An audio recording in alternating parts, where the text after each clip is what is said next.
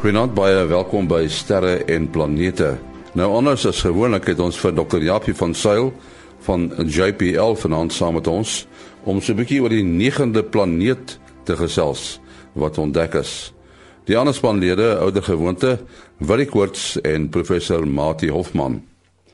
Maar voor ons na ruimte weer luister, eers ruimte nuus wat geskryf is deur Herman Turin in Bloemfontein. Die Europese Ruimteagentskap het aangekondig dat dit 36 miljoen dollar in die Amerikaanse firma Sierra Nevada Core se Dream Chaser ontwikkeling belê. Die Dream Chaser is oorspronklik ontwikkel om bemanning van die internasionale ruimtestasie te neem, maar die maatskappy kon nie daarin slaag om 'n kontrak daarvoor met NASA los te slaan nie. Die maatskappy het onlangs nuwe lewe gekry toe NASA dit gekontrakteer het om vrag na die ruimtestasie te neem. Die gevlegte Dream Chaser is ontwikkel om deur 'n Amerikaanse Atlas V4 pyl gelanseer te word. Met uh, die Europese samewerking gaan dit aangepas word om ook deur 'n Europese Ariane 5-4 pyl gelanseer te word. Maar dan moet die Dream Chaser se vlerke opvoubaar wees. Hoewel bemande vlugte nie nou in die vooruitsig is nie, meen die maatskappy dit sal met die opvoubare vlerke steeds geskik wees om bemanning na die ruimte te neem. Wetenskaplikes het vasgestel dat 'n eksoplaneet wat 8 jaar gelede ontdek is, nie soos eers gemeen is op sy eie deur die ruimte trek nie. Die planeet wentel wel om 'n ster wat ook 8 jaar gelede ontdek is, maar op 'n reuse afstand van 1 biljoen, oftewel 1 Amerikaanse triljoen kilometer van sy son. Dit is 7000 keer so ver as wat die son van die aarde is. Dit neem die planeet 'n 900 000 jaar om om sy son te wentel. Beide die ster en die planeet is 104 ligjaar van die aarde af. Tot sover ruimte nuus geskryf deur Herman Turin in Bloemfontein. Hier is Kobus Olkers nou met die jongste ruimte weer. Verlede week het ons 'n paar filamente gehad soos ons voorspel het, een van hulle het toe uitgebars. Maar gelukkig was hy uh, reeds ver genoeg van die geo-effektiewe area op die son af om enige probleme te veroorsaak anders sou ons vanaand 'n bietjie probleme gehad het met uh, ons ontvangs. Dan het ons vir hierdie week wat kom uh, net een aktiewe area wat vir my lyk asof hy kan ontwikkel in 'n komplekse ene. Hy behoort so teen later in die week hier donderdag se koers behoort hy geo-effektief te wees. Ek skat hy sal hy sal begin kompleks raak hierso van môre oor môre se koers af. Enige tyd vandaan af kan ons natuurlik ekstra effekte verwag en as hy en as hy 'n kronemassa uitbarsting sou maak later in die week dan kan ons ook magnetiese versteurings verwag, maar ek glo darm nie heeltemal hy hy hy hy het genoeg energie om enige probleme te veroorsaak nie. Hy lyk net asof hy wil begin kompleks raak op die oomblik. Dan wat koronagate aanbetref, weer 'n massiewe groot kroonkorona op die noordelike deel van die son. Dit lyk soos 'n ou met 'n groot bles. Hy kom so ver sy dat hy definitief die aarde beïnvloed. Hy het reeds begin uh hier teen gister se koers en ons verwag hy sal aangaan uh seker nog ten minste tot so Woensdag toe wat hy van ons hoë spoed uh stroom gaan gee. Hy is uh, magneties redelik neutraal so geen probleme dat hy die aarde se magneetveld gaan versterk of verswak wat die uh, probleme kan gee nie. Verder uh, het ons 'n filament wat seker seker teen môreoggend behoort hy van die van die son af te draai. Hy is baie onstabiel. So ek glo nie ons hoef voor hom te bekommer nie. Hy het nog nie uitgebars of plat geval nie. En aan die ander kant van die son wat nou na ons kant toe op pad is, lyk dit nie vir my asof daar enige groot filamente is nie daar is ons 'n uh, area wat met uh, met 'n groot verdeling in in uh, polariteit waar dit moontlik is vir 'n filament om te vorm en ek dink as daar enige probleme van sy kant af kom dan kan ons maar uh, op ander maniere vir die luisteraars laat weet. Dit was uh, Kobus Olkers daar in Florida, Amerika. Nou Japie, uh, as julle want kyk dis dis ou daar by Caltech of die span by uh, die California Institute of Technology wat nou hierdie ontdekking gemaak het. Vertel ons 'n bietjie. Ja, dit is twee van my kollegas hierso by uh, Caltech wat dit uh, die ontdekking gemaak het en uh, dit is nou 'n uh, uh, ingewikkelde storie om te verduidelik eintlik want hulle het nie weer die planeet ontdek nie, maar hulle het hulle het bewys met uh, die teorie dat so 'n planeet wel moet bestaan. So nou is die resies aan om te kyk wie sal die eerste mense op die planeet kan opspoor natuurlik. Maar om uh, om dit baie vinnig te verduidelik, uh, daar is 'n uh, aantal uh, voorwerpe, klein uh, planete kan 'n man maar sê dwergplanete wat buitekant die Kuiper belt. Ses van hulle beweeg in 'n baie spesifieke baan. Die kans dat die ses in dieselfde soort van baan sal beweeg is baie baie klein want die goeders beweeg normaalweg soort van in uh so onwillekeurige patrone en so aan. Hulle is die een is nie noodwendig dieselfde as die ander nie. En so die ouens het toe nou begin kyk, hoekom is dit so? En uh hulle toe nou hulle modelle hierso ge, gehardloop en uh, die modelle het op die ouend vir hulle gesê jy kan dit verklaar as daar 'n negende planeet is en die planeet is natuurlik ver van die son af. Hy sal so ongeveer 10000 tot 20000 jaar vat om een keer om die son te wendel. So hy is omtrent so 20 keer so ver van ons af as wat Neptunus van die van die son af is. Nou as 'n mens die planeet op die regte baan sit, dan kan dit verklaar hoekom hierdie ses voorwerpe dan nou in hierdie spesifieke bane beweeg en hulle soort van in dieselfde manier beweeg. So dit is waar op, die, op grond van hierdie teoretiese berekeninge wat die ouens gesê het daar moet nou so 'n negende planeet wees. Uh en soos ek sê, niemand het die planeet nog gesien nie. Ja, dan uh, is dit eintlik maar by wyse van afleiding, nee, as jy mense dink aan daai eerste eksoplanete waar die planeet nie eintlik gesien is nie, maar hulle kyk na die gedrag van sy ster en dan sê hulle wel omdat hy nou so wikkel en wakkel, uh, moet daar 'n planeet wees. Uh dis reg. En natuurlik het ons nou al uh indirekte bewyse gekry vir baie van daai planete wat hulle so opgespoor het deur nog 'n ander meting te maak. En die ander meting uh is wat ons met Kepler gedoen het natuurlik waar jy na die ster kyk en as die model reg is wat sê die die die son beweeg vorentoe en agtertoe omdat daar 'n planeet om hom wendel, dan moet die planeet eendag wanneer tyd tussen ons en die son inkom en dan kan jy nou met Kepler kyk of die son se lig nou so 'n bietjie swakker word as die planeet voor hom is en weliswaar het ons 'n hele paar van hulle so bewys dat hulle wel die regte is.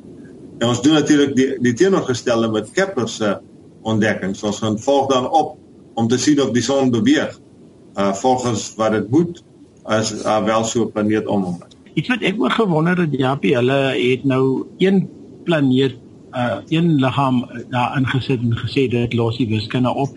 Ek het uh, gewonder of dit daar daar weer is een objek kan wees waar dat die gesamentlike massa jy dalk 'n idee daar. Ja, ek het met hulle gesels uh en en vir die uh ouens gevra het hulle gekyk na meer as een liggaam. En uh die antwoord is nee, hulle het dit nie gedoen nie. Dit daar is moontlik wel sulke gevalle. Hulle erken dit dat daar meer as een planeet kan wees. Hulle het gegaan vir wat hulle noem die eenvoudigste oplossing natuurlik. Uh, om te kyk of daai een planeet by homself wel hierdie ehm um, hierdie goed kan verklaar. Nou wat baie interessant is is dit verklaar nie net die ses voorwerpe wat so buitekant die uh, Kuiperbelt beweeg nie.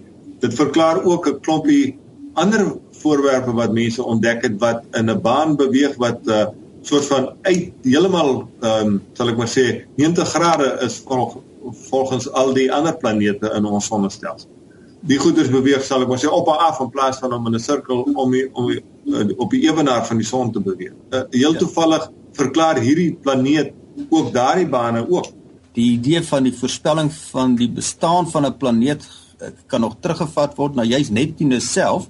Uh Neptunus is in 1846 die eerste keer deur 'n teleskoop gesien, met ander woorde by wyse van waarneming ontdek ook as gevolg van voorspellings uh deur uh Leverrier.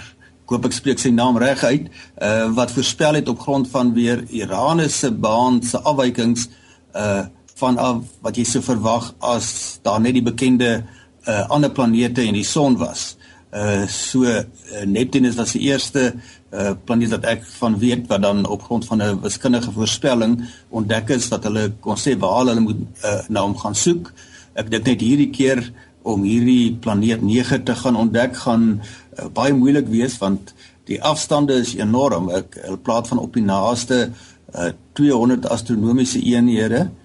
Uh, met ander woorde 200 maal verder as die aarde van die son af en dan gaan draai hy in die orde van 1000 plus uh astronomiese eenhede.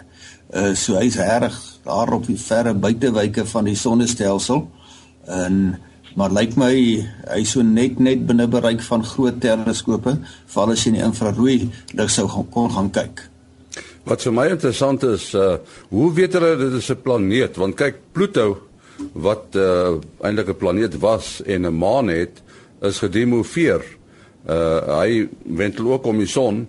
Nou weet hulle hierdie is nie ook so iets soos Pluto wat uh, eintlik nie kwalifiseer as 'n planeet nie. Die groot rede waarom waarom Pluto ge sal ek maar sê uit die klap uitgeskop is is uh een van die van die vereistes wat die uh internasionale um liggaam gestel het vir 'n planeet is dat hy die sy baan se omgewing moet skoonmaak van ander goed. Met ander woorde, hy moet hulle of aantrek na hom toe of hy moet hulle uitskop laat hulle weg wegbeweeg uit sy baan uit. En Pluto is te klein om dit te doen. Maar hierdie planeet is ongeveer 5000 keer so swaar soos Pluto is die is die skatte. So ek dink dis redelik algemeen aanvaar. Hy's hy's uh, iewers tussen die aarde en tot so ongeveer 10 maal die die massa van die aarde. So ek dink jy daar sal veel Ehm um, as die berekenings reg is, daar sal nie veel twis wees dat dit wel 'n planeet sal wees. En as die James Webb teleskoop nou opgestuur word, is daar 'n vaar kans dat 'n mens dalk dalk die planeet sal kan sien. Uh, die James Webb teleskoop behoort uh sensitief genoeg te wees om hierdie planeet op te spoor. So ek is doodseker die mense soos uh, professor Brown wat die wat hierdie ding bekend gemaak het, hulle sal uh, dadelik probeer tyd kry op die teleskoop om om te kyk of hulle die planeet kan opspoor. Daar's ook 'n paar uh teleskope op die op die aarde hier, so die Subaru teleskoop in Hawaii wat deur uh, Japan ger, uh daar opgerig is, behoort om ook te kan sien. So uh, die ouens is natuurlik nou almal uh, probeer nou almal tyd op die teleskope kry om te kyk of hulle die die die planeet kan opspoor, maar Die probleem is ons weet natuurlik nie presies waar hy in sy baan is. So dit is 'n groot deel van die van die uh lig wat ons dan moet soek na hierdie planeet. Ja. Die uh, Japie, ek wonder nou of waar hy in sy baan is uh verband gaan hou of gekorreleer gaan wees met waar daai ander ses voorwerpe wat jy genoem het in hulle bane is of is die Ja, om ek baie sê ek dink dit is die enigste ding wat vir ons 'n kans sal gee om hom vinnig te kan opspoor. Uh die die teorie sê Hy moet net mooi aan die ander kant van die son wees van da, van daai ses voorwerpe af. So dit maak daarom die hoeveelheid uh, lig waarna mense hoef te kyk, die deel van die van die heelal wat jy te soek bietjie kleiner want ons weet waar die ander ses in hulle baan. Waarmee gaan mense om sien opties of radioteleskoop? Die konsensus sal ek maar sê is dat die grootste kans sal wees om infrarooi op te spoor. So dis waar uh, die jongens meer met die Subaru teleskoop en uh, natuurlik James Webb sal ek is seker as hy nog nie opgespoor is nie, sal ons met James Webb ook nou probeer kyk. So dit beteken meer uit sy warmte uit as hoeveel uitsigbare lig hy van die son af weerkaats. Ja, want aangesien hy so verskriklik ver is van die son af, verwag hulle dat hy baie baie dof sal wees. So met optiese teleskope sal dit baie moeilik wees met in, in om hom raak te sien. Weet hulle al of dit 'n gas of 'n rotsagtige planeet is? Nee, Ons weet nog nie dit nie. Die teorie sê dat dit heel waarskynlik 'n gasplaneet. Maar dit weet ons natuurlik glad nie verseker nie. Dis nou interessant, jy sê die teorie sê is dit omdat hy dan so ver van die son af is? Nee, dit het te doen met die bane van die van die van die planete. As jy kyk nou hoe ons sonnestelsel ontwikkel het, die oorspronklike teorie sê dat daar was vier gasplanete wat die, wat basies uh, gedomeineer het in die in die vroeë dae van ons sonnestelsel. En dis natuurlik die vier wat ons nou van weet. Jupiter, Saturnus, Uranus en Neptunus. Uh maar die teorie laat toe as jy ouens nou die die teorie reg hardloop, die die modelle reg hardloop, dan kan jy 'n vyfde gasplaneet ook in die begin van die sonnestelsel insit. En dit sal nie die goeters uh genoeg verander dat uh, dat jy um jy weet die verkeerde antwoord kry. Dit is soos ek sê, dit is alles maar net gebaseer op modelle. Ons weet nie al wat ons weet is dat die ding ongeveer so 10 maal die die swarte die die massa van die aarde moet hê. Nou die uh, Japie sou daar die 50 gasplaneet wat dan dan moontlik planeet 9 kon wees, sou hy dan in daai stadium van die geskiedenis by nader gewees het. Hoe het hy dan so ver weg beland? Ja, hulle ver, vermoed dat hy uitgeskop is. Dis dis wat die modelle ten minste sê. Dat hy ook min of meer dieselfde uh, ek sou sê dieselfde afstand, 'n klein bietjie verder as Neptunus was en dat hy uitgeskop is deur deur Jupiter of Saturnus se se swaartekrag. Uh, wil jy uh, jy tog 'n vraag daarvan 'n luisteraar wil jy gou aan Japie wil vra? Uh ja, nadat ek en Japie nou so vinnig gesig gewys het op op, op Gansbaai, uh het ek ook 'n uh, uh, ander persoon gaan ontmoet, 'n dokter AD Keet. Uh nou meeste mense ken AD Keet vir die vir die digter, maar dit is uh dit was 'n mediese dokter hierdie. Uh hy sal in in sy 80's en uh baie getroue luisteraar van die program en en hy het 'n baie interessante vrae gevra. Iets wat hy gelees het, hy kon ongelukkig toe nou nie die die die bron daar kry nie, maar dit was iemand wat beskryf het van 'n persoon in die ruimtestasie, in die internasionale ruimtestasie wat gesê het as jy nou uh okay, die vensters is nou nie daar's nou nie baie plek waar jy kan uitkyk daarom daar nie, maar as jy nou na die een kant toe kyk, kan jy basies die aarde sien, kan jy nou jouself indink. En as jy nou na die ander kant toe kyk, gaan jy net ruimte sien. Uh en ongeag of dit nou dag of nag is, um het die persoon dit beskryf jy het hierdie swart gordyn van van donkerte en die persoon het gesê dat jy kon nie die sterre sien nie. Nou hy weet nou nie of die verslaggewer dalk 'n bietjie uh journalistieke lisensie bygevoeg het hierson nie. Maar uh, en toe sê hy maar dit maak mos nie sin nie. Uh, daar's nie atmosfeer nie.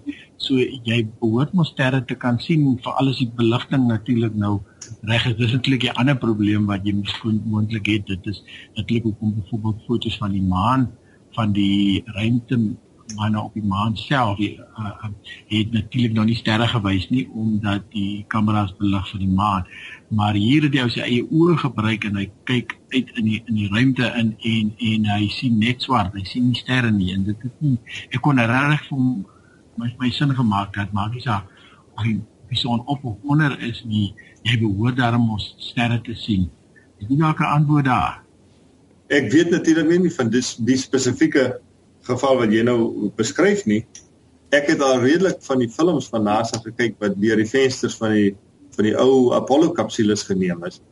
En as jy wegkyk van die aarde of van die van die son af uh, of natuurlik in die die maan ook, dan sien jy wel sterre. So dit is vir my dit dit vir my baie snaaks dat die persoon uh, dan nie sterre kon sien nie. Uh, maar ek uh, ek sal bietjie gaan krap en kyk of ek iets kan uitvind omtrent. Ja, want kyk die rede hoekom ons natuurlik nog maar nie sterre in die dag sien nie is omdat die atmosfeer verstrooi die lig en maar as jy die atmosfeer weghaal dan behoort ja, nee baie dankie. Die ruimtestasie is bo kan die atmosfeer so dit behoort hy behoort baie beter die sterre te kan sien om die waarheid. Goed, uh, ons moet afsluit Japie, jou besonderhede. My uh, e-posadres is japie.jpl@gmail.com. Wirie? Uh mense kan bel SMS WhatsApp 0724579208. 0724579208. En dan Mati? Uh 0836257154. 0836257154. My e-posadres maas.henny@gmail.com. maas.henny@gmail.com. Tot volgende week. Mooi dop.